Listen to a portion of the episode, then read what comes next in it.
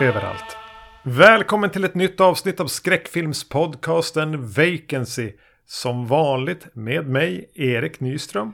Och med mig, Magnus Johansson. Och eh, jag tänkte börja avsnittet med, med den här roliga eh, ljudmedia-grejen som är en unboxing av post. Åh, oh, vad kul! som har kommit. Så jag du, du kan väl hålla upp den så att jag ser i alla fall. Ja, exakt. Jag har, ja. jag har två paket som jag fick, eh, fick nu just när jag kom hem här nyss. Då ska jag försöka göra det här lite eh, interaktivt. Nu ser jag ingenting. Håll upp den sa jag. Okej. Okay. Ja, det är, jag ska försöka säga det är en svart bak. Arrow. Det är två häxor. Two witches. Two witches. Har jag beställt. Är det en ny film eller är det en gammal film? Det är eh, en ny film eller en gammal film. Det är en gammal film. Ja, den här hade jag nästan ingen koll på. Det var, det var verkligen bara, ja men det där ska jag väl ha också. Ballt omslag. Ja, ja, det var det. Uh, och, uh, Var beställde du den ifrån i förresten? Var det Arrow eller har du övergett dem som jag har gjort?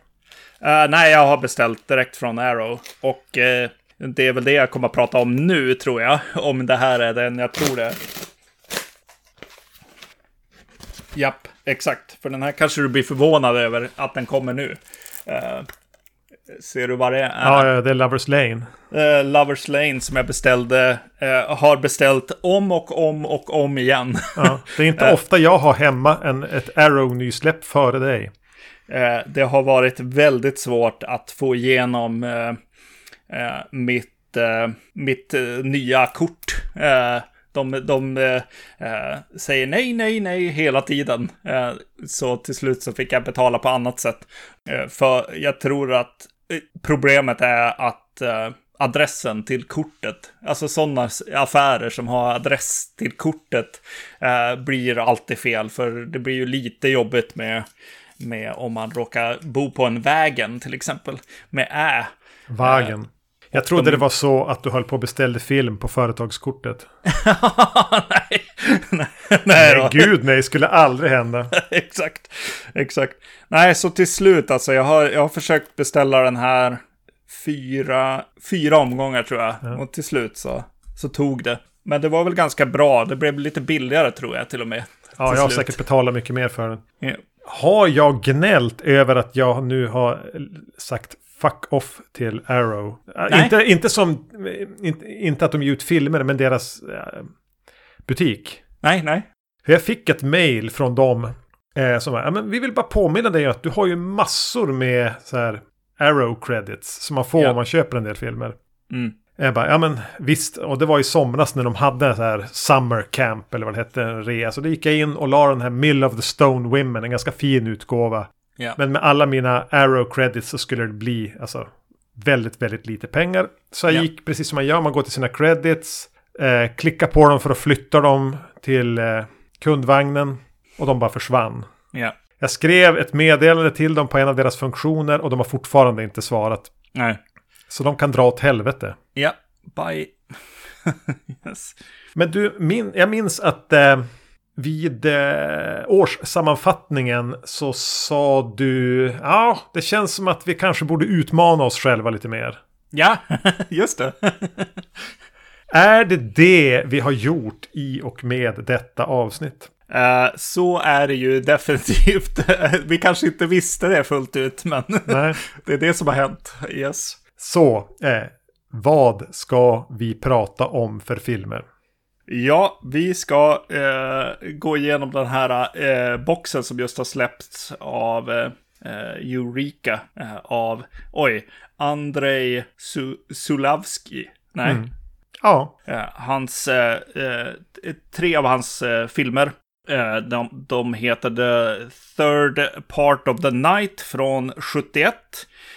The Devil från 72. Och On the Silver Globe från äh, släppt 1988. Ja. Vi kommer till det sen. För den oinvigde är Andrei Zulavski mannen bakom Possession. Smått briljanta Possession. Som ja. vi pratade om i avsnitt 64. arthouse-skräckfilmen med, med Isabella Gianni och Sam Neill från värdet 80 eller 81 kanske. Precis. Ja, men kanske man kan slänga in eh, ett mästerverk där. Ja, man skulle kunna kalla det det. Som eh, dök upp eh, sent i livet under podden här. Sa jag att vi pratade om den i avsnitt 64 eller tänkte jag bara säga det? Vet ej. Det märker jag när vi klipper detta. Men jag kommer att låta den här eh, återkommande demensen i sådana fall finnas kvar i etern. För vi är, vi är inte lika unga som vi var när vi pratade om den. exakt, exakt. Ja, men exakt. Eh, det är det enda, det är det enda jag har sett av Sulavski. Mm. Jag har vetat om att han har gjort filmer som har sett lite intressanta ut. Jag har tänkt att det här är en regissör som kanske mer eller mindre bara råkar göra skräck. För att han har en väldigt dyster och mörk eh, syn på världen. Ja. Eh, men jag hade inte... Ja, det ska väl sägas. On the Silver Globe man, hade jag hört talas om och liksom omständigheterna runt den. Men de här två första filmerna, absolut ingen koll på. Nej. Och det är lite mm. spännande när man inte vet vad man ger sig in på. Nej, exakt. Vi bara trycker på play. Ja. Eh, och när man öppnar boxen så bara, oj, det här kan bli bra. Oj, det här var en fin bild. Liksom, man börjar ja. se lite grejer liksom. Ja, nej, vi, vi hoppar väl in där då på The Third Part of the Night från 1971. Mm. Jag, en liten parentes bara innan det. Mm. För jag vet ju att eh, du brukar börja se filmerna så här, i bästa fall två kvällar innan vi ska spela in. ja. Jag, jag, har, utifrån hur mitt liv ser ut så behöver jag alltid ta spänna bågen lite längre och börja tidigare. Och noterade det när jag plockade fram boxen att de här är ju 1.50, 2 timmar och 2 timmar och 46 minuter. Uh, ja, det var en jättebra heads-up, helt ja. klart. Jag, jag, jag trodde i princip att vi hade köpt uh, någon slags, liksom, ja men lite kort film just över timmen. Någonting var nästan ja. vad jag förväntade mig. Så det var väldigt bra att du skrev. Men du har hunnit se det här i lugn och ro utan du var inte klar klockan fyra i morse eller någonting. Nej, den sista äh, har jag definitivt äh, satt, satt av tid för. Äh, mm. Så det var väl den som, som var, var bäst tajmad faktiskt. Men som sagt var, The Third Part of the Night manus och regi Andrei Sjulavski. Det här var mm. hans eh, debutfilm. Ja. Många regissörer brukar väl ändå ha en, ett gäng kortfilmer eller någonting eh, före man gör en, en fullängdare. En ganska ambitiös fullängdare, men inte han. Mm. Han, han, eh, han börjar så här. Ja. Den utspelas i ockuperade Polen under andra världskriget och vi får följa en man som förlorar sin familj till eh, blodtörstiga nazister. Mm lierar sig med någon slags motståndsrörelse. Förlorar sig i en mardröm av dubbelgångare, minnen, eh, förhoppningar och löss.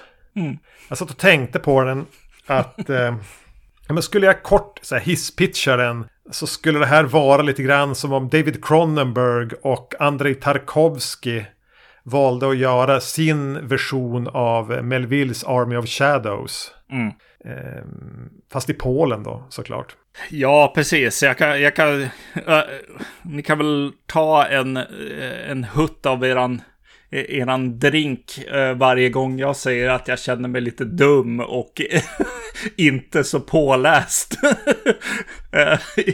äh, och ja, det är en känsla över, över i det här avsnittet. Framförallt kanske påläst. Att så här, det är en del saker som uppenbarligen går över huvudet på mig. Eh, där jag inte har in, insyn i, i Polen och liksom eh, politiska lägen och liksom eh, sådana grejer. Det är klart att, ja, andra världskriget har man väl lite koll på, men eh, det är definitivt någonting som eh, går förlorat för mig i alla fall i de här filmerna. Ja, i just eh, den här filmen hade jag väl ändå koll på att eh, Polen var ju det första som hände var ju att Hitler invaderade Polen och att de var ockuperade. Men exakt hur läget såg ut där och vad som hände det vet jag väl inte. Nej. Jag har levt i någon romantiserad bild av att eh, ett ockuperat eh, land nödvändigtvis inte är så farligt om man inte råkar vara i, ja, men, i jude under mm. andra världskriget. Att ett, ett, en, en, ockupationsmakt har ju som ingen ambition att utrota civilbefolkningen. Nej. De har ju bara tagit över. Mm. Men det jag kände också var lite grann att eh, Solavski, eh, precis som i Possession, är ju eh, ganska insyltad i eh, den katolska kyrkan och någon slags här, katolsk skuld hela tiden. Ja. Och det är ju mycket monologer och filosoferande om skuld, skam, eh, hopp, tro. För, eh, ja, jag vet inte vad. Det är mycket monologer här. Eller i princip all dialog är ju monologer. Mm. Och eh, där har ju jag svårt att hänga med. Ja, just det. Ja. Det, det ska jag säga. Eh, och det tänker jag inte nödvändigtvis referera till det politiska läget. Utan det är ju fritt associerande för Solavski tänker jag. Ja. Mm. Att det här är... Ja, men han gör ju inte film för mig. Han gör inte film för dig. Han gör bara film för sig själv. Ja. Jo. Och eh, det är ju schysst. Alltså. Det, det är väl den ambitionen man ska ha. Eh, Mm. Men hans filmer pendlar mellan, mellan att vara väldigt mycket inom honom själv och samtidigt vara tilltalande och eh, ändå öppna för att, att ta till sig. Mm. Men, och, och pendeln svänger ju fram och tillbaka här. Ja. Jo. Och det lilla jag har gjort research var en eh, lätt googling att tydligen är den här inspirerad av hans pappas upplevelser under kriget. Hans egna vaga minnesbilder av kriget. Mm. Eh, och eh, ja, men, eh, att, att de numera lever under en annan totalitär regim än vad de var ockuperade av under kriget. Och naturligtvis liksom katolska kyrkans påverkan. Och det där är ju inte helt lätt att relatera till. Nej. Nej. Varken att ha minnen av att ha levt under en, fascistisk regim, leva under en kommunistisk regim och hela tiden vara genomsyrad av ett katolskt troende arv. Mm. Det är sånt jag aldrig kommer att kunna förstå. Nej, precis. Nej. Nej, Men man får ju ta det för vad det är då. Ja, ja exakt. Jo, det får man verkligen. Eh, och då, då, ja, när vi har pratat eh, så djupt om filmen redan så blir det lite konstigt att eh, hoppa in där. där, jag, där filmen börjar och där man liksom eh, landar i så här bara, oj, ja det här kommer bli vackert.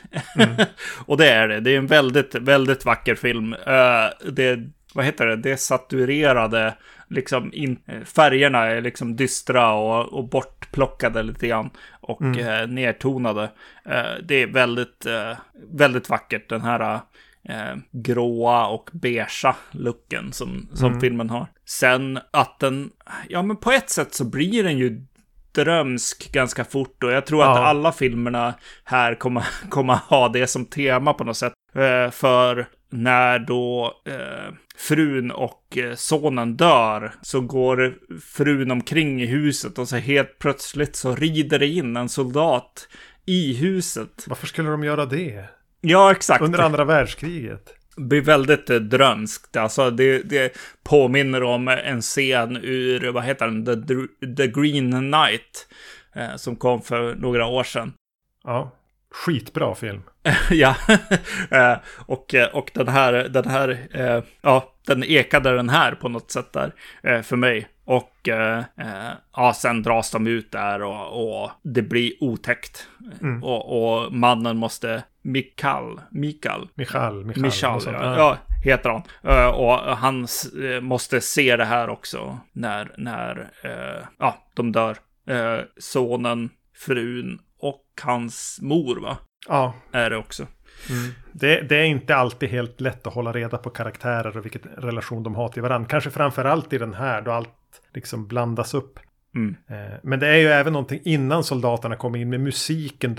Hustrun, sonen och eh, mamman är kvar i huset. Och då eh, Michal och hans pappa ute och går en skogsbruk. Nej, sonen är inte kvar i huset. Han är ju med dem i skogen men han springer tillbaka. Och musiken är någon, någon eh, då för att fortsätta låta eh, som en träskalle. Klassisk musik. Men det Mm. stråkar, det känns intensivt och, och otäckt. Mm. Eh, om man, olycksbådande är Mm. väl ett annat ord man skulle kunna använda. Det är, och väldigt intensivt. Det finns en så här otäck intensitet. Och eh, nu var det länge sedan jag såg Possession. Men det jag minns från den är ju mycket att det är en ganska orolig kamera i den. Ja. Som gärna tar ett varv runt karaktärer när man minst anar det. Mycket handhållet fast ganska stadigt handhållet. Eh, och vansinnigt tekniskt kompetent. Alltså det är otroligt att titta på. Mm. Och, och ja, men de dör och det är väl någonstans där bara mardrömmen startar. Ja. För den fortsätter ju som på något vis i samma mardrömskänsla. Jag tycker inledningen framför allt här är ju direkt en skräckfilm. Ja. Mm. För ganska kort efter det här har hänt så bestämmer han sig väl för att ja, men, jag, jag måste göra något med min sorg, med min förtvivlan. Jag ansluter mig till motståndsrörelsen och han utbyter några ord med någon som sätter honom i kontakt med någon dit han, de ska mötas upp vid något hus. Ja. Men hela tiden är ju Gestapo eller SS eller vad fan det nu är något steg före. De, man hör som alltid deras klapprande stövlar Ja. mot, mot en sten, eh, kullerstenarna. Så de, mannen han ska möta upp, eller mannen han har följt dit, jag minns inte riktigt den här Olek. Olek, ja just det. Ja, bara stapplar ut och är skjuten i halsen. Det blöder fruktansvärt och det är snyggt. Ja, det är väldigt snyggt. Jag är van att eh, blod på 70-talet har en tendens att se ut som röd målarfärg. Mm. Men det gör det inte här. Nej.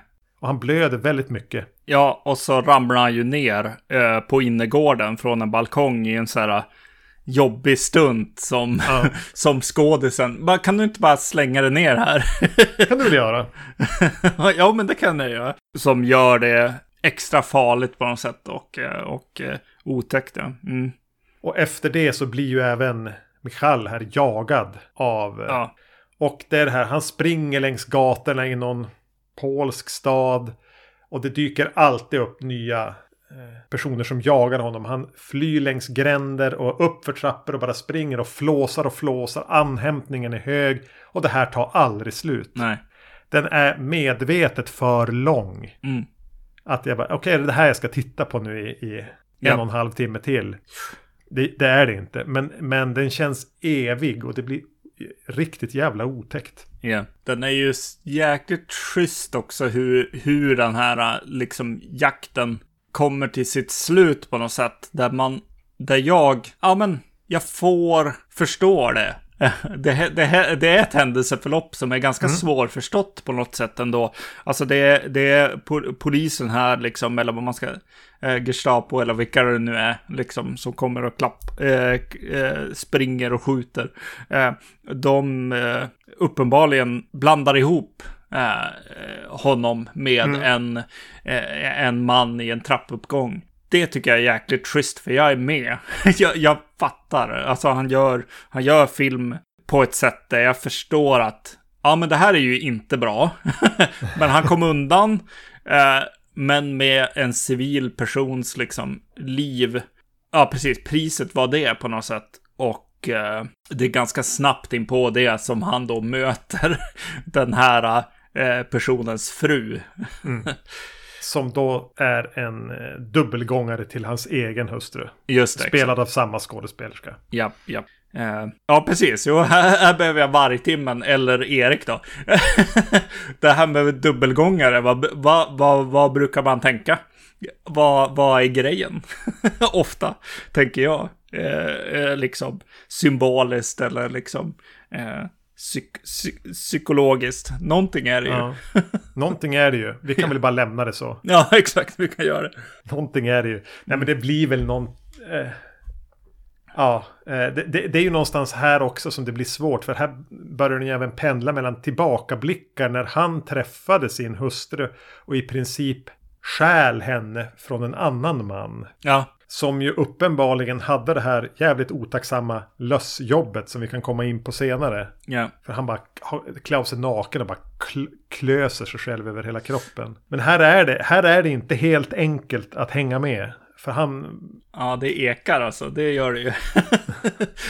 yes. Mm. Ja, men eh, han hamnar uppe på, på vinden. Han är skottskadad själv och det här är en vindsvåning och en person som, en kvinna som ser exakt ut som hans egen hustru. Som dessutom är gravid dyker upp. Ja. Och hon tar väl hand om honom eller eh, är det han som tar hand om henne först? Det är någon slags utbyte här. Mm. För hon börjar ju, hamnar ju i eh, verkar och ska föda. Ja. Och kan inte ta sig därifrån. Och hennes man är ju bortförd av Gestapo. Ja. Misstagen för han. Och det kommer en, en förlossningsscen.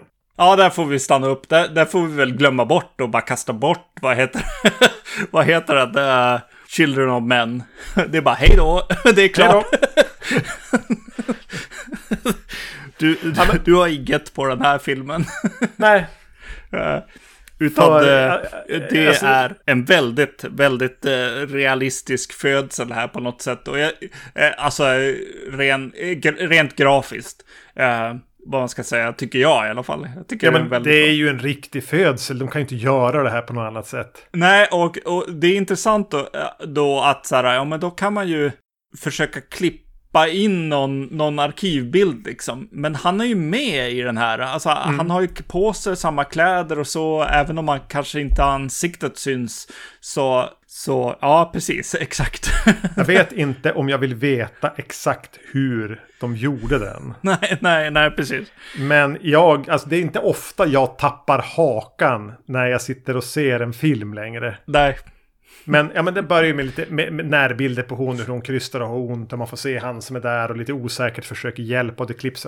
Bara det är intensivt. Jag tänker, ja, men det, här är, det här är schysst, det här är bra. Ja. Och så helt plötsligt så kommer det ut en liten bebis och blod och så här, efterbörd. Ja. Ja, hon är ju grym i den scenen också ja. innan det här. Ja, precis. Att ja, alla kryst, krystverkningar och någon slags liksom nästan så att man man eh, ser kriget utanför dörren liksom på något sätt. Att man ska, alltså hon är jävligt sammanbiten, stark, eh, alltså hela den, den mm. biten liksom på något sätt. Ja, nej. Väldigt oväntat och uh, ja, ja. ja, exakt. Man vet inte riktigt hur man ska reagera eller hantera det där. Lite mållöst, ja. Precis, ja. ja. Yep. Det, är, det här är ju som anslaget i filmen egentligen fram till och med den här förlossningen. Mm. Det är ju kanske snarare efter den som den börjar förlora sig i de här minnen, tillbakablickar, förhoppningar. Mm. Och eh, filosoferandet kring skuld eller eh, varför gör inte nationen någonting? Har vi bara resignerat? Alltså, jag får inte riktigt fatt i allt vad den här filmen mm. vill säga här. Nej. Men just det här med, med dubbelgångare, minnen, scener som speglar varann. Alla känns här blekgrå i ansiktet.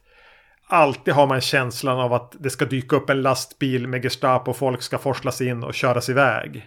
Det är liksom hotfullt och tryckande och, och ja, men det känns som en febermardröm det är rätt fantastiskt hur lite de är med ändå. Det, man ser mycket folk bli skjutna och så. Men mm. man ser aldrig riktigt hotet förrän, ja men några så här lastbilar och sånt som fylls, fylls med folk. Men som du sa, det klapprar och de, de springer runt och marscherar runt och det skjuts. Eh, men man, ja, så de är närvarande på något mm. sätt. Men de är aldrig riktigt i bild. Nej. Eh, det tycker jag är snyggt hantverk bara.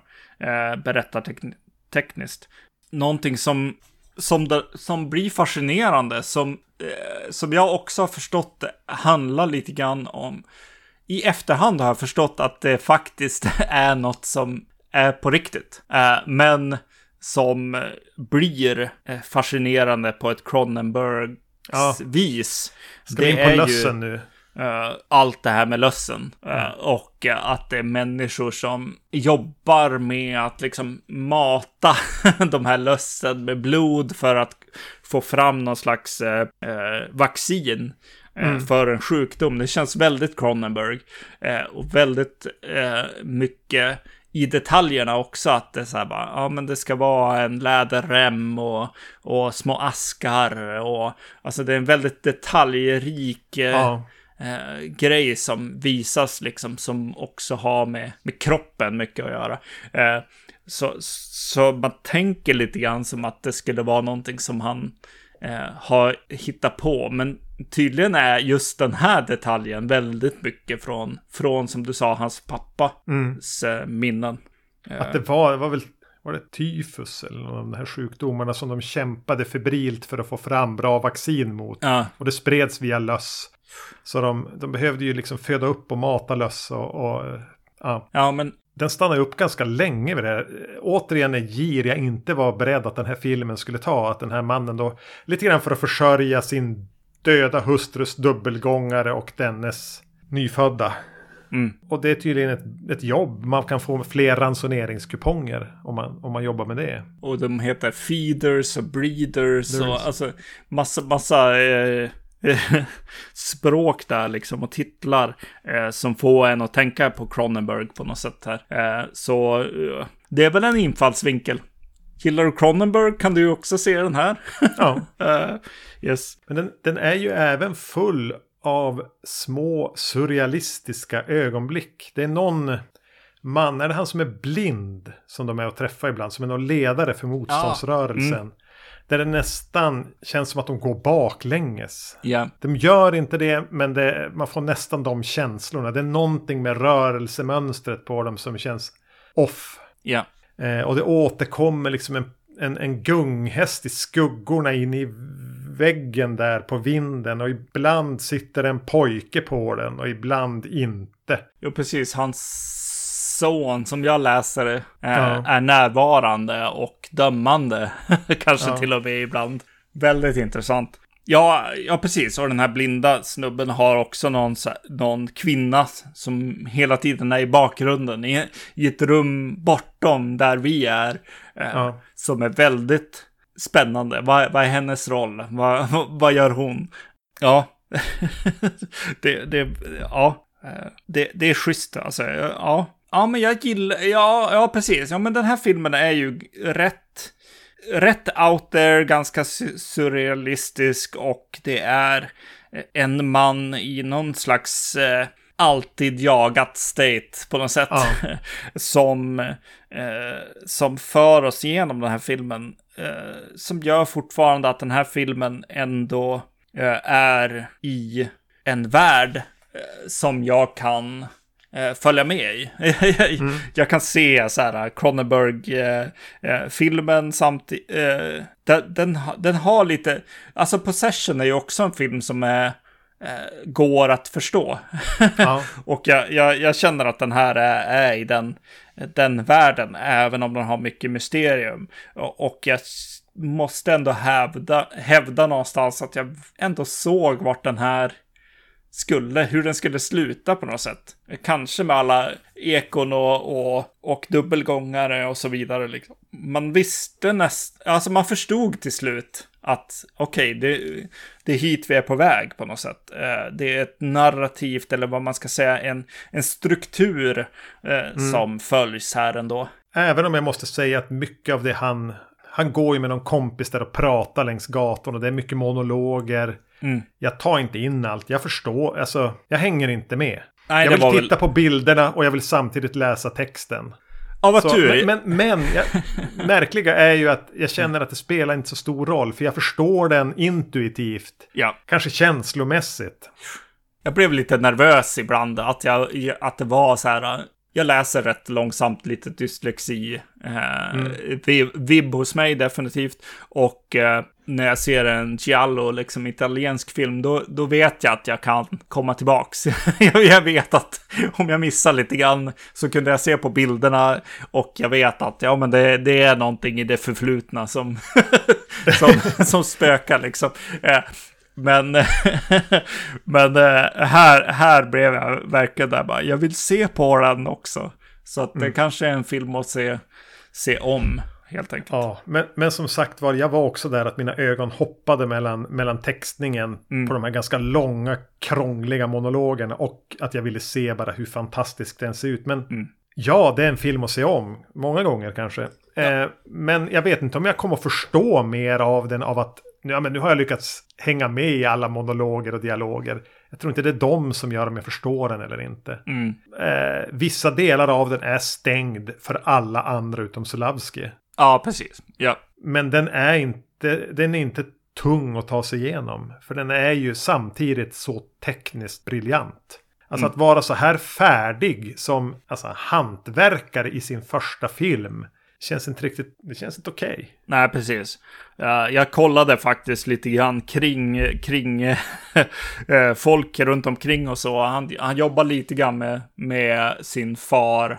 Eh, med skrivandet och så. Men det, det, det är inte bara... Och försökte se om... Jag försökte se om det fanns någon så här uh, fotograf till exempel som som eh, kom tillbaka och så. Just på foto verkar det vara ändå att han byter eh, ja. folk, men eh, en som kvarstår genom alla de här filmerna är väl han som har skrivit musiken. Okej, okay, det är samma. Ja. För i, det ska väl sägas att i den här är det ganska, ganska mycket stråkar. Ja. Men det blir lite mer experimentellt längre in i filmen, lite percussion och så. Ja. Och ja, det är väl värt att nämna ändå, det kan man väl säga rakt igenom alla tre, att när filmer från 70-talet ska lämna stråkarna och använda sig av menar, gitarr, bas, trummor. Så antingen blir det alltså Goblinvägen då det är väldigt tydligt så proggrockigt. Mm. Eller så känner man bara att det får en så här extremt tydlig 70-talsstämpel. Ja. Men jag vet inte fan om den här är där. Det, här, det känns mer, eh, vad heter det, Nolan. Ja, exakt. Det är ju det är en musiker som vågar slå på, på en konstig, liksom, eh, jag vet inte, en oljetrumma eller någonting. Ja. Eh, och kanske ta in eh, syntar. Det blir lite mer det ja, längre fram till och med. Men mm. eh, absolut, det, det är ju stämningen som ska fram kanske inte det sköna stycket på något sätt. Men, men i den här kanske det är, det, det är lite mer traditionellt. Jag, jag minns faktiskt inte riktigt helt.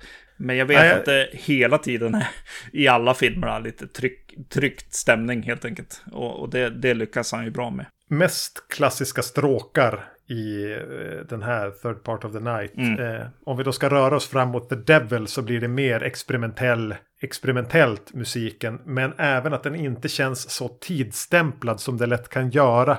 Om man väljer att använda sig av lite så här konstrock i en film från 72.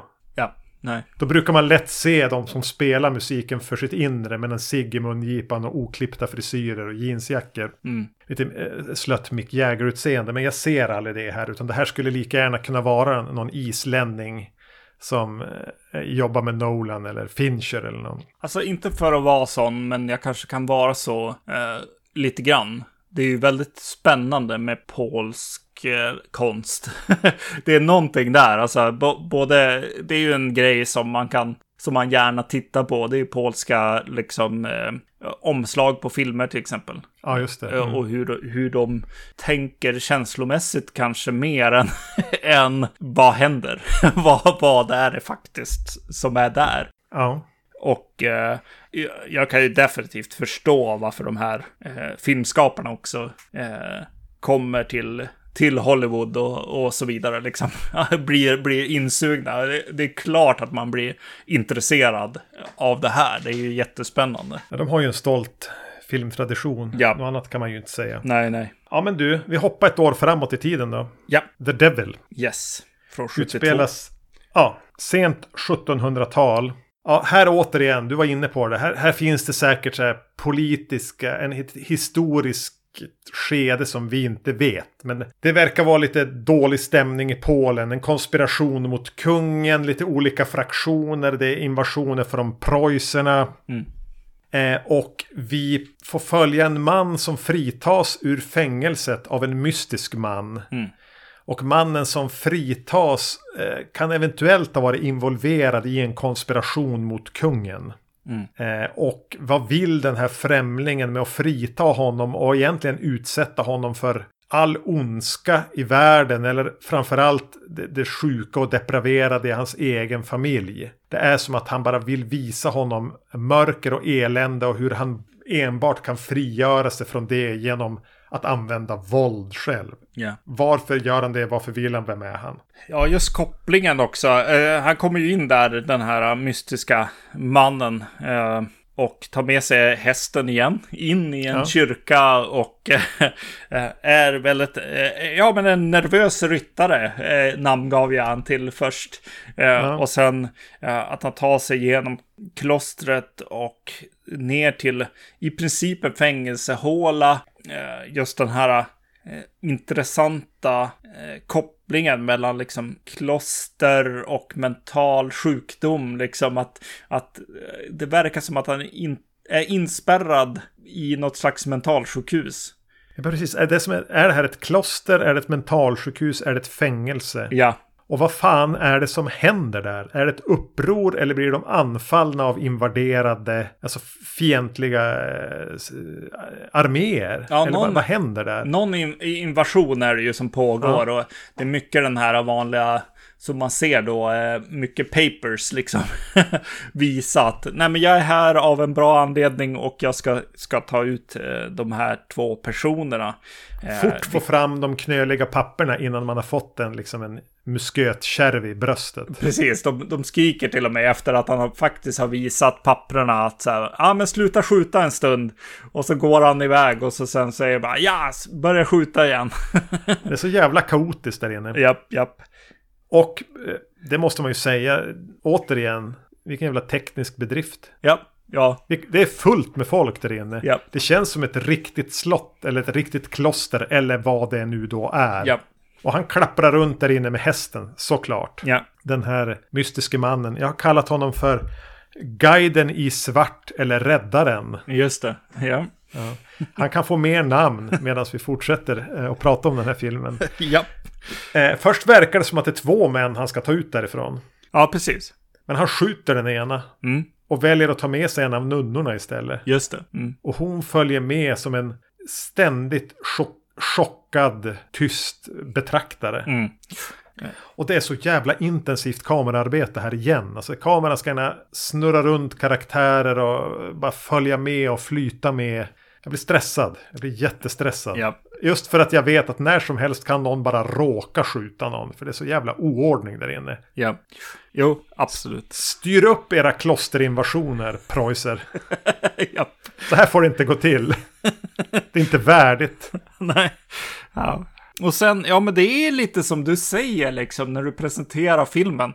Eh, det, det som jag, det jag greppar, eh, om jag greppar efter Cronenberg i, i förra filmen så, så greppar jag faktiskt efter, eh, vad heter den, A Christmas Carol i, i den här. Ja, just det. Visa.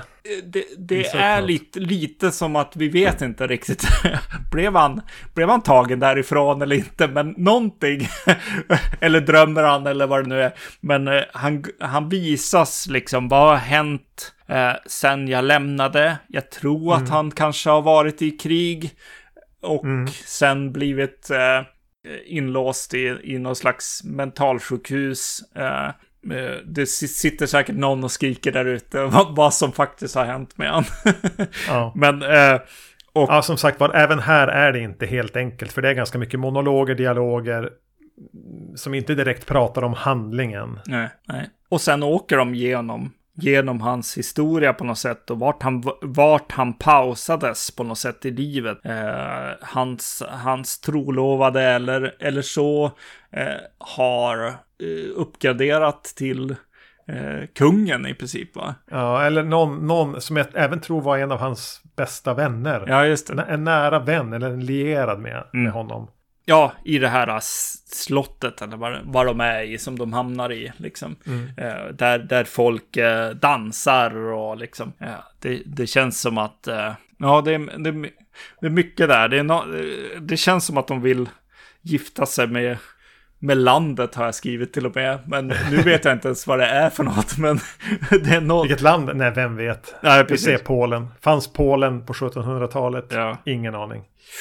Jag tänkte på ganska tidigt på eh, Bergman också. Ja, Lite eh, sjunde inseglet, Ja. resan här och att det dyker upp gycklare. Ja, definitivt. Sjunde inseglet är, är definitivt en som, ett som kommer tillbaks i, eh, eller en film som kommer tillbaks i mina anteckningar också. Eh, absolut. Att eh, eh, det finns liksom, det är någon slags med staten, kyrkan och konsten på något sätt. Och, och kanske framför allt eh, eh, någon typ av eh, skådespel. Eh, som, som är en förhöjd konst i, i den här filmen. Någonstans eh, borde vi ha gjort det här kanske tidigare. Men vi stannar, stannar upp nu och så ska jag pröva på att uttala lite polska namn. Ja, just det. För huvudrollen här är ju samma som spelade huvudrollen i eh, Third Part of the Night. Han Ja. har mycket mer skägg här. Ja, svårt, svårt att avgöra. Men, ja, ja. Det här är bara IMDB som talar om det för mig. Ja. Han heter Leszek Teleszynsky. Han är en väldigt dedikerad skådespelare. Han har gått in båda de här filmerna med, med hull och hår. Japp, japp. Eh, och eh, han, de, kvinnan som spelade dubbla roller i minst mm. i, i Third Part of the Night heter eh, Malgorzata Braunek. Och hon eh, återkommer här som hans tidigare trolovade. Mm. Som nu då är, ja, du sa upp, har uppat det hela med att gifta sig med den här eh, före detta vännen, eh, någon ny slags eh, regent. Kanske kung, kanske hertig, vem vet? Vi vet inte. Hon, hon är ju väldigt bra. Eh, eh, nu kommer jag tillbaka till en anteckning från förra, the third part of the night. Eh, när jag försöker, vilket jag ofta gör, jag försöker så här, åh, i en annan tid, vem skulle spela ja, henne? Och det blev Kira Knightley. ja, visst. Ja. Hon var, hon var tydligen gift med, med Sulabski under den här tiden. Just det. Mm. De har ett barn. Ja. Hon mår inte bra i den här filmen du. Nej. Det verkar inte ha varit så bra idé att, att lämna eh, våran hjälte här. Hjälte, ja. För den här eh, svekfulle charlatanen. Mm. För hon är ju i princip i något slags konstant tillstånd av psykos. Ja. Eh, påminner lite grann om den här scenen i Possession när, när Adjani får det här... Eh, dels när hon gör något suicidförsök i köket med det här fysiskt ryckiga. Ja. Eh, och även den här beryktade scenen i tunneln i, i Possession. Ja. Det här over the top eh, fysiska skådespelet som... Det känns som att det går sönder någonting i skådespelarna när de, när de, när de agerar. Det går lite för långt i ett nästan ett, det är som ett överspel men det är så dedikerat att man känner att någonting rämnar. Ja, precis. Jag vet inte, visst är det lite häftigt att se det i, i sin liksom begynnelse här på något sätt. Ja. Att så här, eh, regin här är liksom rätt stark. För vi var, vi var, jag minns att vi var väldigt påverkade. Och, och ja. det, man blir väldigt påverkad i possession av de här scenerna. Och att, att se det eka lite grann här är spännande. Alltså det, det, ja, det, blir, det blir ju någonstans mer cred till regissören på något sätt. Han, mm. han skapat ett språk på något sätt här. Eh, som jag går in jag. i själen. Liksom. Ja, precis. Det, blir, det är någon fysik där som är jag, jag, får lite känslan att den är förbjuden. Alltså att den går för långt. Ja, ja. Exakt. Eh, och jag vet ju att både Sam Neill och Isabella Gianni efter Possession har sagt att Sulavski tog oss till platser ja. där vi inte ville vara. Nej. Och det var jobbigt att komma tillbaka därifrån. Det tog flera år. Mm, och jag tänker att han utsatte förmodligen sin hustru för samma sak här. Man börjar se det här, ja, precis. Ja. ja. Men du vet, manliga genier får ju göra vad de vill. så länge det blir cool, snygg film. Perfekt. Men det är en värld här där i princip, alltså ingen verkar, förutom den här guiden i svart, räddaren, vad kallade du honom? Ja, ja precis. Jag, jag hade bara en nervös ryttare i början. En nervös ryttare. ja. eh, alla utom honom förefaller ju må fruktansvärt dåligt. Ja. Männen är, blir bara mer och mer galna och mer och mer våldsamma. Kvinnorna blir mer och mer självdestruktiva och ja, lite unket men mer och mer promiskuösa är som ett tecken på att vara eh, att, att, att, deras eh, grepp på verkligheten håller på att mm. eh, släppa. Ja, precis. Och han, han får bara mer energi. Ja. Jo. jo, han blir mer och mer eh, trygg med att han, är, han, han gör rätt sak. Ja. ja, men han visar upp honom för, för, sin, för sin fästmö. Han åker till sitt barndomshem där hans pappa liksom har skjutit sig i sängen. Eh, och försökt bränna ner halva huset. Han har både ja. skjut, skjutit taket av huvudet och bränt bort taket på föräldrahemmet på något vis. Ja. Och någon, någon, någon jävligt jobbig halvbror är där. Och hans lilla syster som hör till de här promiskuösa förlorade kvinnorna som äh, mår jättedåligt. Mår jätte, jättedåligt. Ja, exakt. Och den här halvbron och, och syster måste man liksom bara hålla isär på något sätt där ibland. Ja. ja. Jo. Ja, det är kaos. Helt klart. Och pappan, alltså att man lägger så energi på ett lik som ligger död och ja, det, ja, det är ju starkt alltså. Det, jag tycker att de gör det här, det här besöket väldigt eh, minnesvärt på något sätt. Komma hem till sitt barndomshem på något sätt och allt är i kaos. Eh, det är... Eh, ja, men det är över, överlag så känns det som att det är en film som går in ännu mer. Den, den eh, blir lite teatral och kaoset och det blir mycket mer psyket och en, som går sönder på något sätt. Och mm. eh, det är en mer vild känsla än, än förra filmen faktiskt. Ännu mer vild eh, för kameran eh, och berättandet och folks uttryck blir mer påtagligt. Ännu mer uttrycksfullt. Föregångaren lite mer klaustrofobisk, den här är mer vild. Det är en ja. bra skillnad med dem. Och nu hittade jag här i mina anteckningar, Jakob heter han, våran, våran eh, hjälte.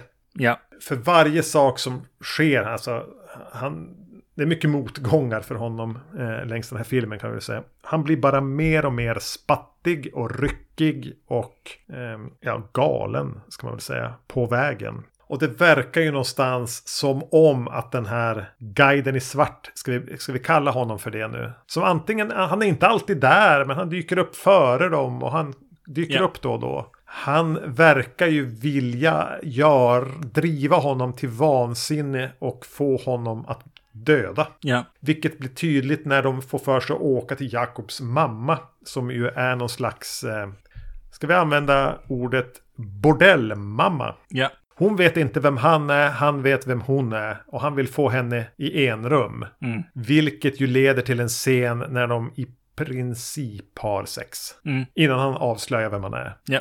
Vilket ju av någon anledning bara driver honom än mer till vansinne. Och han hamnar nere i liksom... Det, jag menar ett, ett, ett eh, slott slash eh, dungeon bordell. Mm. Med en av hennes kvinnor som... Och då dyker han upp, mannen i svart. Och ger honom en rakkniv. Just när han är uppstressad och hon vill ha sex med ja. honom. Och han får bara rakkniven i sin hand och skär halsen av henne. Mm. Och det är väl här någonstans man, man riktigt på allvar börjar fundera på om det är så att filmens titel syftar på den här guiden i svart. Ja. Är det här djävulen som vill förleda någon, men varför? Ja. Eh, vad symboliserar i sådana fall Jakob? Är det här återigen något slags storpolitiskt? Är det här Polens fall? Eller mm. vad handlar det om? Jag vet inte. Jag har ingen aning. Nej, precis. Men det min, finns... Min, ja. Uh, ja, du skulle någonstans. Förlåt. Ja, jag ska säga det finns samtidigt en, en eh, bokstavlig läsning av filmen. Som är att han är typ en typ kunglig tjänsteman som vill få, hon, få Jakob att erkänna och ange alla som har konspirerat mot kungen. Mm. Så att anledningen att han hämtar honom från fängelset med de här papperna leder honom genom det här är i syfte att bryta ner honom till sån här på en plats där han bara anger vilka de övriga konspiratörerna är och att han själv är en av dem. Mm. Men det känns ju som att den samtidigt vill någonting mer än en, en, en, en sån torftig liten historia. Och vad är i sådana fall den här nunnan som han släpar runt på? Som bara blir mer och mer chockad. Min, min, min äh, känsla genom filmen blev ju att så här, ja, alltså den här äh, ryttaren i svart. Han är djävulen på axeln. Mm. Och hon är ängeln på axeln. på andra ja. axeln. Jo, jag var i samma tankar. Ja, det, det är väl en konflikt som inte riktigt är så bra eh, på något sätt. hon lyckas kanske inte så bra i sitt jobb. Eh, jag vet inte. Ja, hon gör inte så mycket. Nej, precis. Ja, nej. Men det jag ska säga att den lyckas med. Mm är att jag vill för mitt liv att hon ska skyddas från allt ont. Ja, ja. Jag är jätterädd om henne genom hela filmen. Mm. Oh. Jag blir till och med lite obekväm när hon tar av sig nunnedoket och bara drar i sitt hår och ser det har vuxit ut. Jo, det är ju ett sätt att faktiskt prata om att här är det en djävul på axeln som håller på att vinna den här äh, konflikten liksom. Ja. I, honom på något sätt. Att, äh, att äh, hon börjar ge upp, ja. Mm. Det här är en... överlag så fick jag en, en stark känsla av eh, något som jag, som jag tänkte så här, oj, nu kommer jag säga något som eh, folk som inte förstår oftast kanske säger att, att den känns mardrömslik. Eh, mm. Men jag blev väldigt, jag, jag, fick en väldigt känsla av att den, det är en filmens motsvarighet till den här tappa tänderna-drömmen eh, som man kan få. Eh, ja. Åh, jag tappar alla tänder, eh, vilket ofta, ofta pratar om att och jag håller på att tappa kontroll. Eh, jag har inte kontroll över mitt, mitt liv på något sätt. Jag fick liksom samma vibb på något sätt av när en sån här dröm har, har, har hänt mig tidigare. Liksom att säga bara, ja, det är det här, här den vill och det, det är ju det han vill också, vet du, eh, djävulen här. Eh, du ska tappa eh, kontrollen, du ska sluta lyssna på din goda sida på något sätt. Du ska, ja men allt det onda i ditt liv, du får, det ska vara det som definierar dig på något sätt. Mm. Mm. Det är någonstans landade i att den kanske handlar om, som fick mig att tänka tillbaka på förra filmen som ju då utspelas i Polen under andra världskriget. Är att jag fick en känsla av att den är genomsyrad av någon slags bitterhet över och en besvikelse över att ha gett upp alldeles för enkelt. Mm. Där, det, det, var liksom den kvarvarande känslan för mig. Eh, att eh, man var för svag eller man kunde, skulle kunna ha gjort annorlunda. Man skulle kunna ha stått upp mer. Något jag även tyckte var ett tema i, ett, inte lika tydligt men, eller det var en känsla i The Third Part of the Night också. Mm. Något slags är, är vi fan svaga uslingar? Ja, att kunna bryta sig loss från sina föräldrars synder på något sätt. Istället ja. för att embracea dem och bli dem. Eh, det finns väl någonting där också kan jag tycka att, att jag ser väldigt tydligt i slutet. ja, eh, jo. Man kan också se den här filmen som en mördare som släpps från ett mentalsjukhus eller tar sig ut från ett mentalsjukhus eh, och eh, som inte kan sluta mörda. Men försöker. Men, men försöker. Man skulle kunna se den som, ja men para ihop den här med Halloween. Så. Så. men då är man jävligt Då måste man gräva djupt. ja. Eller ytligt kanske. Förmodligen båda saker samtidigt. Någonting ja. i den här filmen hade den ju. Mm. För att efter att den, den här förbjöds i Polen. Ja, okej. Okay. Mm. Och han fick lämna Polen. Solavski efter den här. Ja, okay. Så den hade ju då lyckats reta upp en totalitär regim. Mm, wow. Så då, då, har den ju gjort någonting rätt åtminstone. Yep. Yep. Den här, den här är vildare och eh, mer, ännu svårare, eh, kan jag säga. Ja. Eh, mm. än, än förra filmen. Men eh, något av en road movie också, om man vill gilla det. Till häst. Ja, just det. Ja, ja. Mycket, eh, den reser ja. Mm. Ja. Och det är väl eh, Christmas Carol-grejen på något sätt också. På något sätt. Man reser genom det förflutna på något vis. Ja. Fram och tillbaka ja. också. Ja, det är sant. Ja men som sagt var, den förbjöds i Polen. Han lämnade Polen, jobbade utomlands i ett par år, gjorde någon film som hette någonting med bla bla bla, någonting med Love, som blev en stor internationell succé. Mm. Eh, och den polska regimen hörde av sig till honom och sa du, förlåt, vi kanske var, vi kanske var hårda med att, eh, med, med The Devil. Eh, nu, nu är det ett stort internationellt namn och vi, vi gillar sånt. Mm. Ska du inte komma tillbaka till Polen och göra någonting? Ja visst, sa han då. Får jag i sådana fall filma min förfaders eh, science fiction-trilogi? Eh, The Lunar Trilogy. Absolut, sa de. Ta vi, hur, vilka pengar du vill. Så då påbörjade Solavski On the Silver Globe. Mm. Som är baserat på The Lunar Trilogy av Jerzy Solavski. Om det är en farbror eller en gammelfarbror till honom som har skrivit yeah. dem. Den, eh, den böckerna från tidigt 1900-tal. Yeah. Inspelningar påbörjades. De hade väl gjort klart fyra femtedelar. Mm. När av någon anledning någon kulturminister tyckte det här är alldeles för subversivt. Det här kan vi inte acceptera. Ge oss negativen, ge oss allt och dra åt helvete igen Solavski. Ja. Allt ska förstöras. Mm. Han och hans eh, crew lyckades smuggla ut negativen. Men mycket förstördes och de övergav projektet. Det här var 76-77 någon gång. Mm. Den låg i träda i typ 10 år. Ja. En demokratiseringsprocess pågick i Polen. Och han är ju beredd att förlåta Solavski, det måste ge han. Han kommer tillbaka dit ytterligare en gång. När de säger, men gör klart den där jävla filmen då. Det kanske finns någon hint i, i de andra filmerna att han faktiskt älskar sitt land. Mm. Han kanske gör det, ja. trots allt. Ja. Han eh, gör ju inte klart den som att han filmar klart den, de delar som fattades. Utan han gör en ganska bitter ihopklippning av den. Där de väljer att filma vissa nyfilmade scener. Som, mer som ett slags meditativt eh, arkivbilder, om man ska säga. Mm. Eh, där en berättarröst berättar vilka scener som fattas. Och den säger ju ganska tidigt, eh, berättarrösten säger att den här filmen mördades. Yeah. When the film was murdered. Vi kommer inte att göra några försök att, att filma klart den, utan det här är den ni får. Men vi har valt att täppa igen luckorna med, med en berättarröst. Ja. Mm.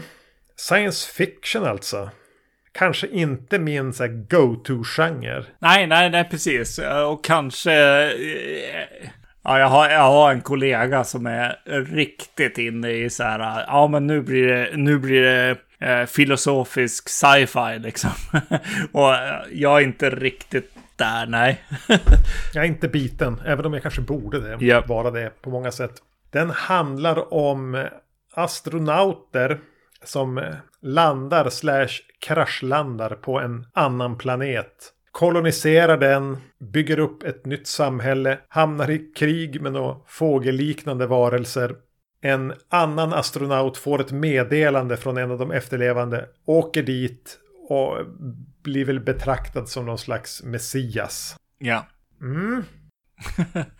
alltså det är, jag vet inte, alltså ganska svårt i början, men någonting som jag kommer in i är ju den här, åh, vi skapar en kultur, vi börjar från början på något sätt då, och det han får göra här om det är han som har skrivit novellerna eller, eller eh, regissören här, eller filmen. Vilken liksom. Solavski. Eh, så, så kan det ju vara att faktiskt eh, meditera och fundera på eh, hela mänsklighetens varande och, och liksom hur går det till? Eh, ja. Med mång, många, många stora frågor får man hålla på med här. För att eh, mm. det första är ju först och främst ja, men starten på, på en civilisation och, och att man börjar med liksom Adam och Eva liksom i princip. Ja, de är ju alldeles för få för att kunna bygga upp. De är väl typ tre, ja. fyra stycken. Ja, precis. Och, och hon, är, hon kommer dit gravid. Hennes, hennes eh, kar dör. Och det är två, två andra män kvar. Kanske två andra män förresten. Ja, exakt. Sen så ja, börjar det födas barn och vi hoppar i tid. Uh, det, det är spännande tycker jag, att få, få se skapelseberättelsen på något sätt eh, via den här sci-fi historien. Och personligen så tycker jag också att den är riktigt coolt berättad av omständigheternas eh, anledning på något sätt. Den ja. börjar med någon slags här någonstans kommer vi vara eh, sen. Men vi förklarar för mig nu, för jag återigen, min skalle är trög. Yeah. Ja, Sulavski berättar på ett sätt som man inte var. Det går, man, man förväntas acceptera saker. Men visst börjar den på en annan planet? Ja, det känns lite så. Där kommer någon klädd och springer, plumsar i snön här och har hittat någon, någon eh, typ eh, projektil som har skickats och kommer till det här och går ner till de här två astronauterna som sitter i någon övergiven rostig byggnad. Ja.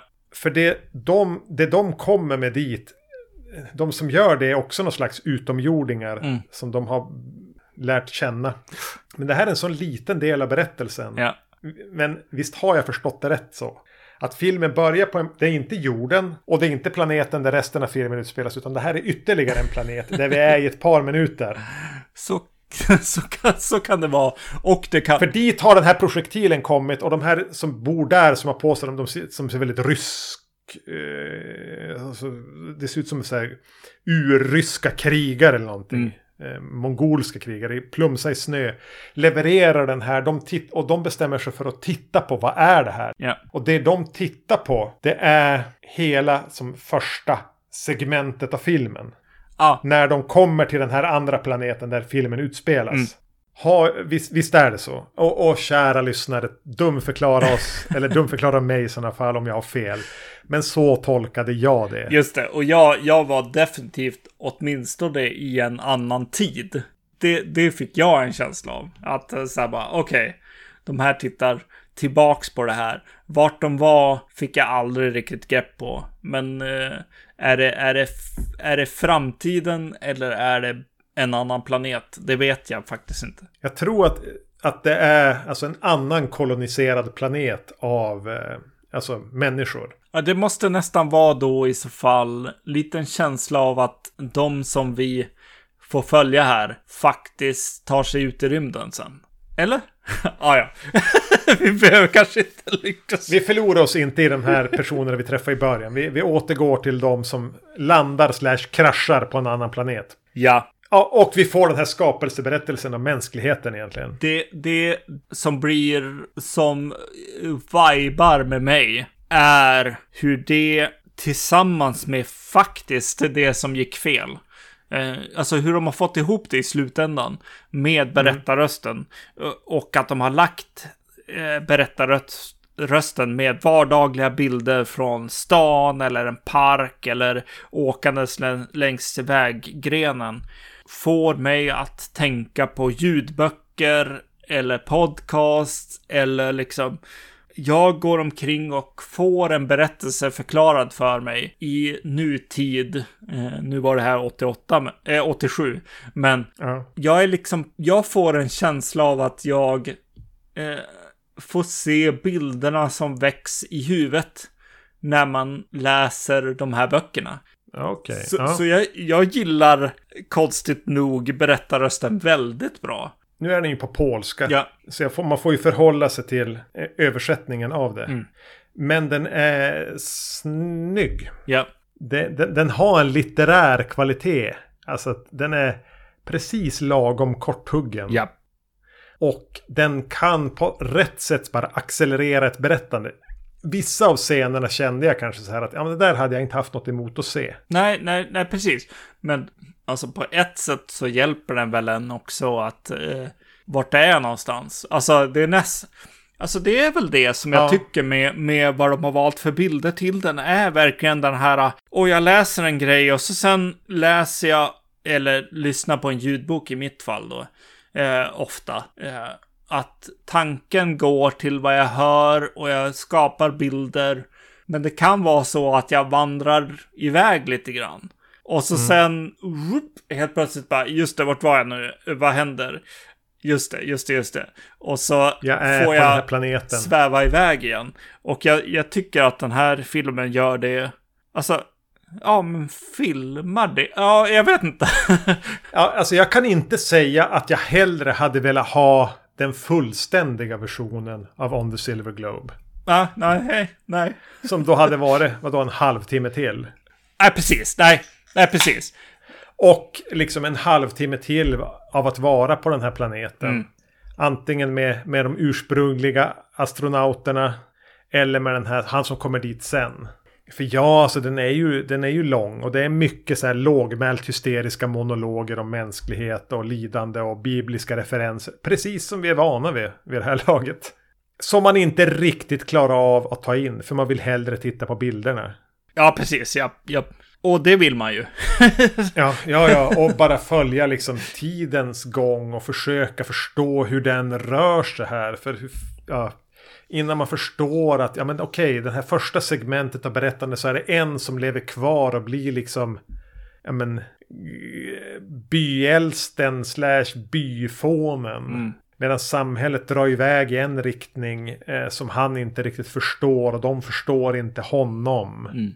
Och det är han som släpar sig iväg och skickar iväg en... Skickar iväg den här sonden som de i snön hittar. Som jag tolkar det. Det här är ju en film som är rätt, eh, jag vet inte, modern, jag vet inte. Men den, den, har ju jävligt mycket bottnar på något sätt hur den, hur den berättar sig själv. Eh, och mm. då, då sen eh, när den också adderar den här berättarrösten är ju, är ju en del av det såklart. Men det här är ju, en, är ju ibland en found footage-film. Ja. Man får se det verkligen från den här äldre mannens eh, synvinkel, inte synvinkel, utan Nej. jag hör ju att de tar i kameran. De, de tar i någon slags plastgrej, liksom. Eh, och, och pratar med den ibland. Ja. Så det är faktiskt eh, någon som filmar. Men ibland har den här äldre mannen försvunnit och då vet vi inte längre vart vi är. Eh, så det, det, den, den är ju väldigt eh, intressant eh, filmad och eh, någon, so någon som gillar det här, filosofisk sci-fi, böcker framför allt tror jag. Ja. Den kommer ju älska den här filmen. Alltså, mm. den är så bra. Eh, och det, det som, som blir lite uttvättat och eh, så med, med till exempel senaste Dune som försöker mm. Eh, den, den är väldigt visuellt liksom. Den, den vill att du ska känna med sina bilder. Så är den ganska tydlig med vad som händer. Eh, och i den här så, så eh, gör den både och.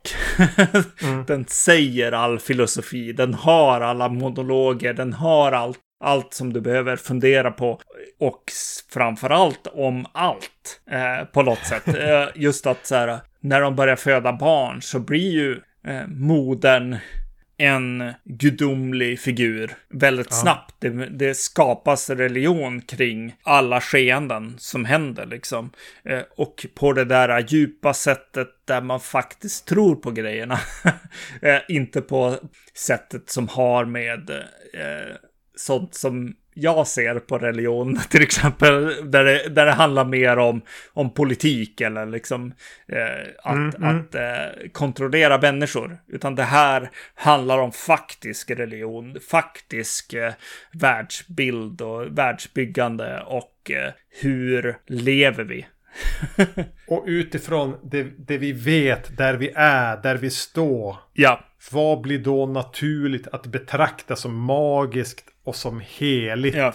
Och som obegripligt kanske. Mm. Och hur skiktas det då samhället utifrån det? Ja.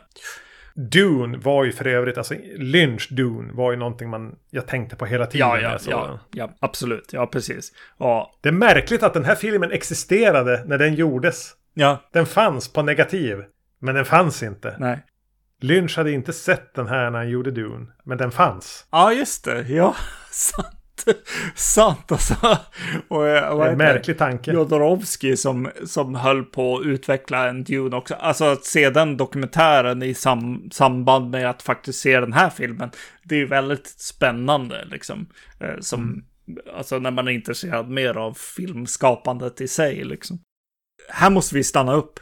För att om den här filmen fanns och Dune gjordes. Eh, alltså det ser ju ut som Dune ja.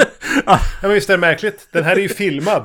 Men ingen har sett Nej, den. exakt. Eh, för för eh, den här designen liksom på kläder och liksom eh, fordon och liksom det här smutset och eh, allt organiskt, liksom alien-lika saken mm. också för den delen. Och alla är smutsiga och ja, det är fan jävligt spännande när du säger det. Att så bara, vad fan, ja, hur kan den här pausen ha, ha påverkat filmindustrin? Vad konstigt. Det måste vara något. Man, i... man blir nästan, det är nästan att det väcks andliga mystiska tankar i huvudet på honom. Ja, det måste ha varit som, som David Lynch säger, something in the air. something in the air och så ska man, ska man så här röra på fingrarna. Ja. Um, mm, någonting vibbade in. Ja. För det är, ja, men det är tydligt att vissa av de här kvinnliga som får någon slags prästgudomstatus ser ju mer eller mindre även rakt ut som eh, Queen Amidala i, i Phantom Menace. Just det, ja. Det finns en, en, mycket har lånat. Är det från den här? Är det från Dune? Var är det ifrån? Jag vet inte längre. Ja, precis. Kan det Den vara kosmiska drömmen om... 70-talet liksom? Att det Ja. låg något där. Vindarna blåste på något sätt. Mm. Nej, fan, nu fastnade jag för mycket i det. Jag bara, Ja, jag vet. Jag blev också... Jag hade inte tänkt på det här när jag såg den. Jag blev, jag blev också lite stum nu av... av jag blev lite överrumplad av tanken på... hur fan gick det här Ja. till? Ja, ja. Nu vi skulle behöva spela en, en, en, en låt bara och sitta och fundera. ja. Questions in a world of blue kommer in här. Om vi försöker att tänka oss vidare så är Ja. det väl kanske en av, en av de faktiska styrkorna med den här filmen är ju så här bara, åh jävla cool, cool design alltså. Eh, Mm. De här kläderna, eh, de här fågel, djur, creaturesna.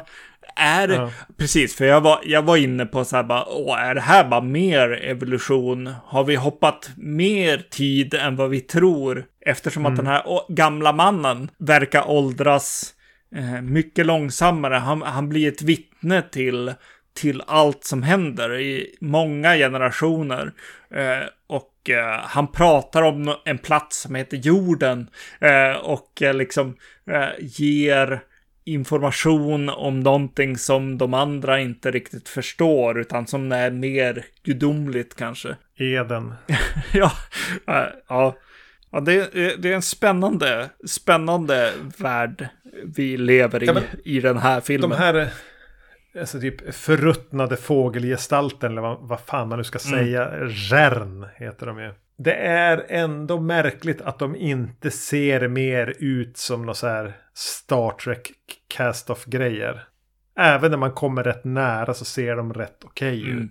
Lite på samma sätt som vissa av figurer i Star Wars ser oväntat okej Mm. ut. Men de har även något som, som glöder liksom i pannan på Ja. dem. Och det ser inte ut som en lysdiod bakom en billig mask. Nej.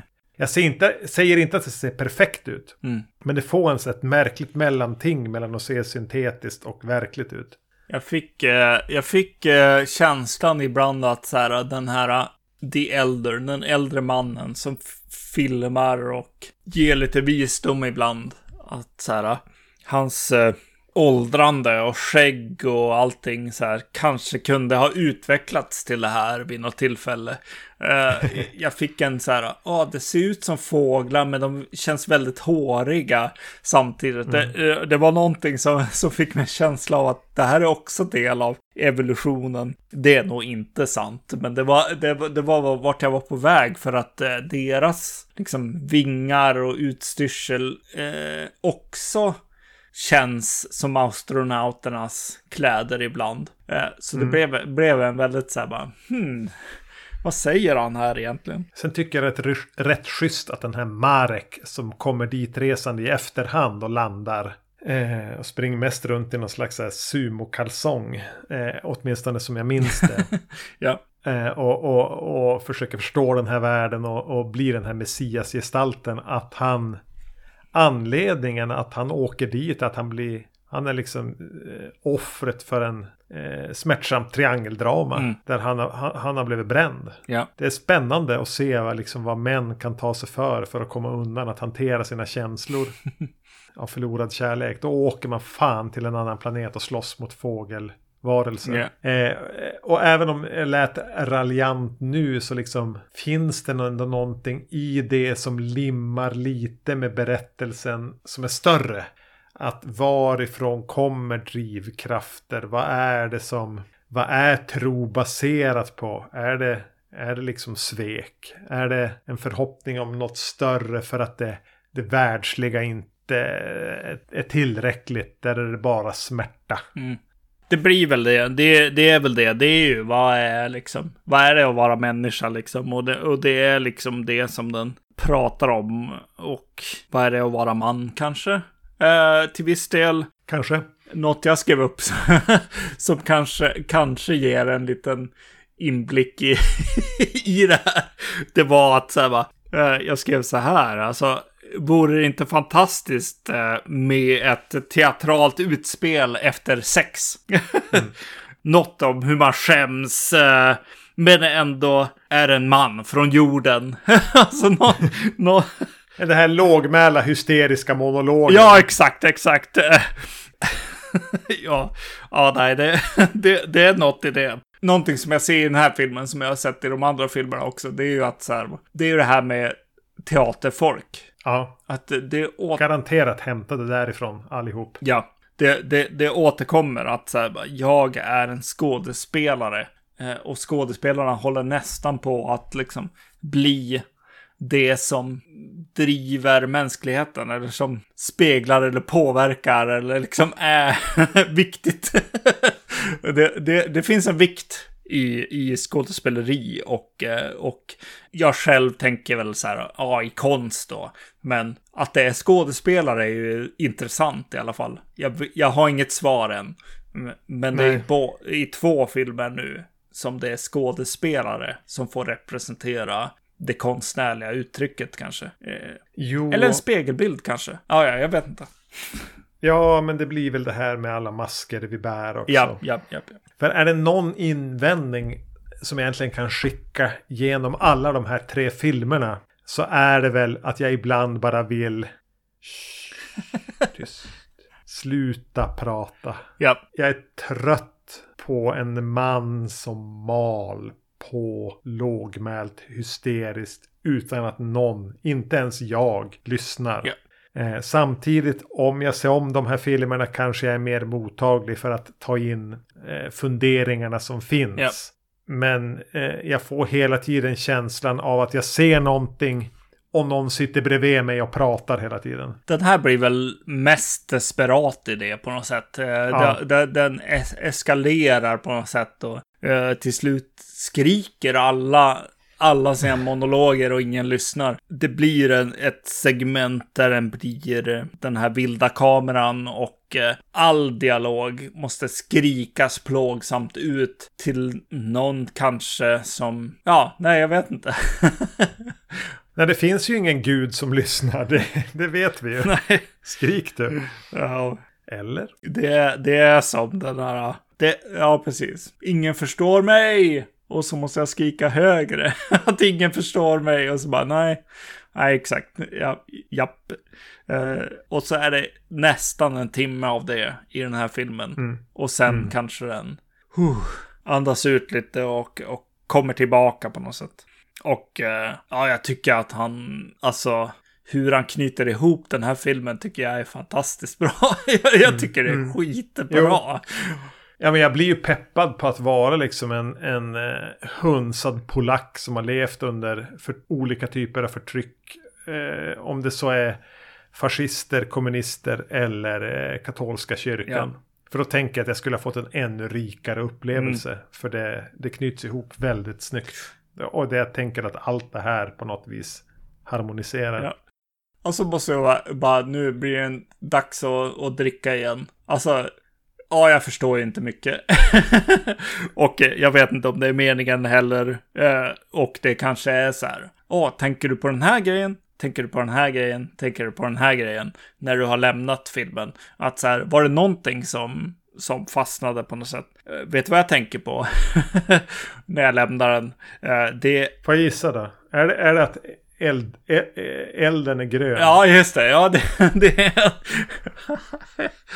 alltså, Just det, detaljer. Elden är grön alltid, det är skitcoolt. Jag blir väldigt in intresserad. Eh, då, eh, vänta då. Innan jag rundar av så måste jag hoppa in i en jävla sekvens som bara fick mig att bara What the fuck is happening? Och det är när det börjar explodera saker på stranden som de bor på. Och de börjar mm, springa mm. runt och det bara... Det känns väldigt otryggt. Ja, fy fan vad bra det är. Alltså, ja. jävla vilken scen. Det är lite Saving Private Ryan-vibbar där. Ja, och vi vet inte vad det är. Fast betydligt otryggare. Ja. ja, exakt. Vi, vi har ingen aning om vad det är och vi får inte veta det heller. Fantastiskt bra. Nej, men det, det som jag eh, tänkte mycket på var så här, den här grejen. Eh, nu kommer det till det du brukar reta mig för, att jag ser alldeles för mycket jävla skitfilm eh, från nutiden. Eh, massa eh, Marvel och skit. På YouTube är det väldigt poppis mm. med så här en breakdown av senaste Ant-Man-filmen. Eller The Ending Explained. och man bara, Men vad fan menar du? de, de, de visar ju bara vad som händer. alltså, vad ska du förklara för något? Eh, om du ska göra en sån jävla film, eh, eh liksom YouTube-klipp och börja prata om vad, vad det handlar om, då är det den här filmen, inte jävla senaste Ant-Man-filmen. Nej, alltså jag menar om du inte förstår slutet på senaste Ant-Man-filmen som jag aldrig inte har sett. Nej, precis. Men jag kommer inte att se. Då kommer du inte att förstå en, en YouTube-breakdown av den heller. Nej, exakt, exakt. Alltså, vart är vi? Ja, precis. Det kanske är fortsättningen på den här filmen som jag, som jag försöker prata om nu. Vart fan är vi på väg? Mm. ja. ja. ja. Länge leve Stjärnstad. ja. ja. Men du, eh, hör The Lunar Trilogy till de här böckerna jag borde köpa eh, nu. Mm. Läsa om 3-5 år och eh, sen eh, uppmärksamma att jag har läst om kanske 7 år. Det vore ju jävligt spännande. Vad fan ja. det här är. en trilogi för fan. Ja. Uh, jo, men alltså vadå sci-fi på... Uh, alltså sci-fi var ju det här. Vad va, ja. va är det? Vilka är vi? Hur funkar vi? Och så. Och det kan vara riktat till gamla gubbar, absolut. Jag har precis börjat läsa The King in Yellow. Eh, som är skriven tidigt 1900. Mm. Som är någon slags eh, skräck, sci-fi, romantisk eh, knas. Ja. Som Lovecraft gillade. Då ska jag väl kunna läsa något som är skrivet ungefär samtida av eh, någon polack. Ja. Men eh, ja, det kommer säkert att ta tid. Men det är kul att köpa saker. Ja, ja, det var ja, ångest. Precis. Och eh, då kanske du kan svara på, såg rymddräkterna ut så här? är de detaljrikt förklarade i boken? så att vi inte bara får, får panik kring, kring vart fan kommer de här rymddräkterna ifrån? Som, som syns i Dune och Alien och liksom saker som, eh, som är från tiden. På så sätt vill jag ju inte läsa den. Jag vill ju bara tro att det här är... Och så håller vi alla upp händerna. Ja, ja. och rör fingrarna framåt och bakåt. Eh, ja, eh, väldigt tveksamt om vi kommer att återvända till Sulavski efter det här. Jag trodde aldrig vi skulle göra det efter Possession. Nej. Även om jag känner att jag måste se om Possession ganska snart. Ja, och, och, som du började avsnittet på något sätt. Det här var utmanande. Jag, jag satt innan det här avsnittet och bara. Vad fan måste jag faktiskt googla? Eller kolla på YouTube? Vad fan handlar de här filmerna om? Är jag dum i huvudet? ja, det är vi. Ja, ja. Men vi har pratat om dem ändå. Ja, det är skönt att du är lite dum i huvudet där också. Det, det, det, det gör mig glad. ja, nej, jag vet ingenting. Nej, nej det var bra.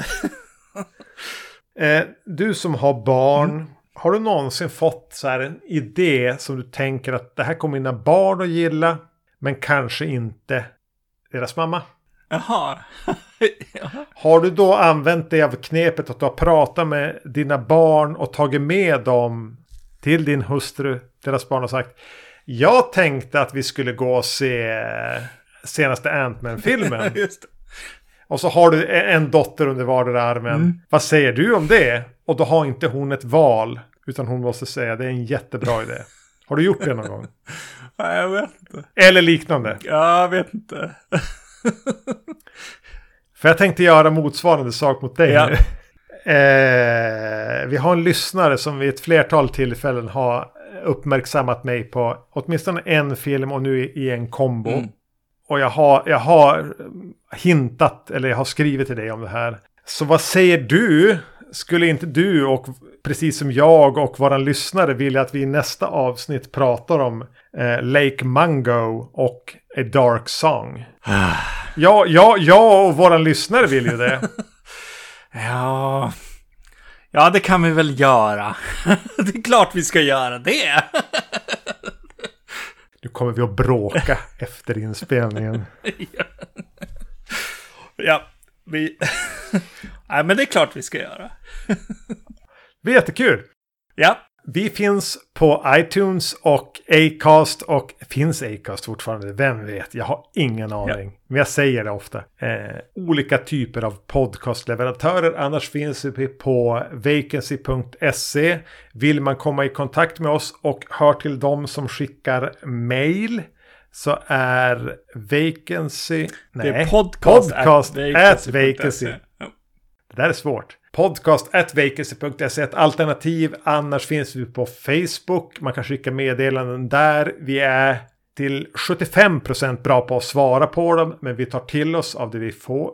Det vi, som når oss. Jag finns på Instagram och det gör du också. Vad heter du? Jag heter Zombie-Magnus. Och jag heter Erknym. Alltså bara för att kommentera en grej som jag eh, tänkte på nu. Eh, det var att eh, jävlar vad träffsäkra eh, våra lyssnare är med eh, vad vi borde göra för kommentarspår eh, ja, fy framöver. Fan. det är helt sjukt faktiskt. Så, ja, ni är grymma. Ja, ja eh, grymt. yes. Men vi får se vad som händer ja. där. Men vi, vi lyssnar. Vi lyssnar. Ja. ja. Ja, men det var väl allt. Ja, det var det. Ha det bra. Hej. Hej.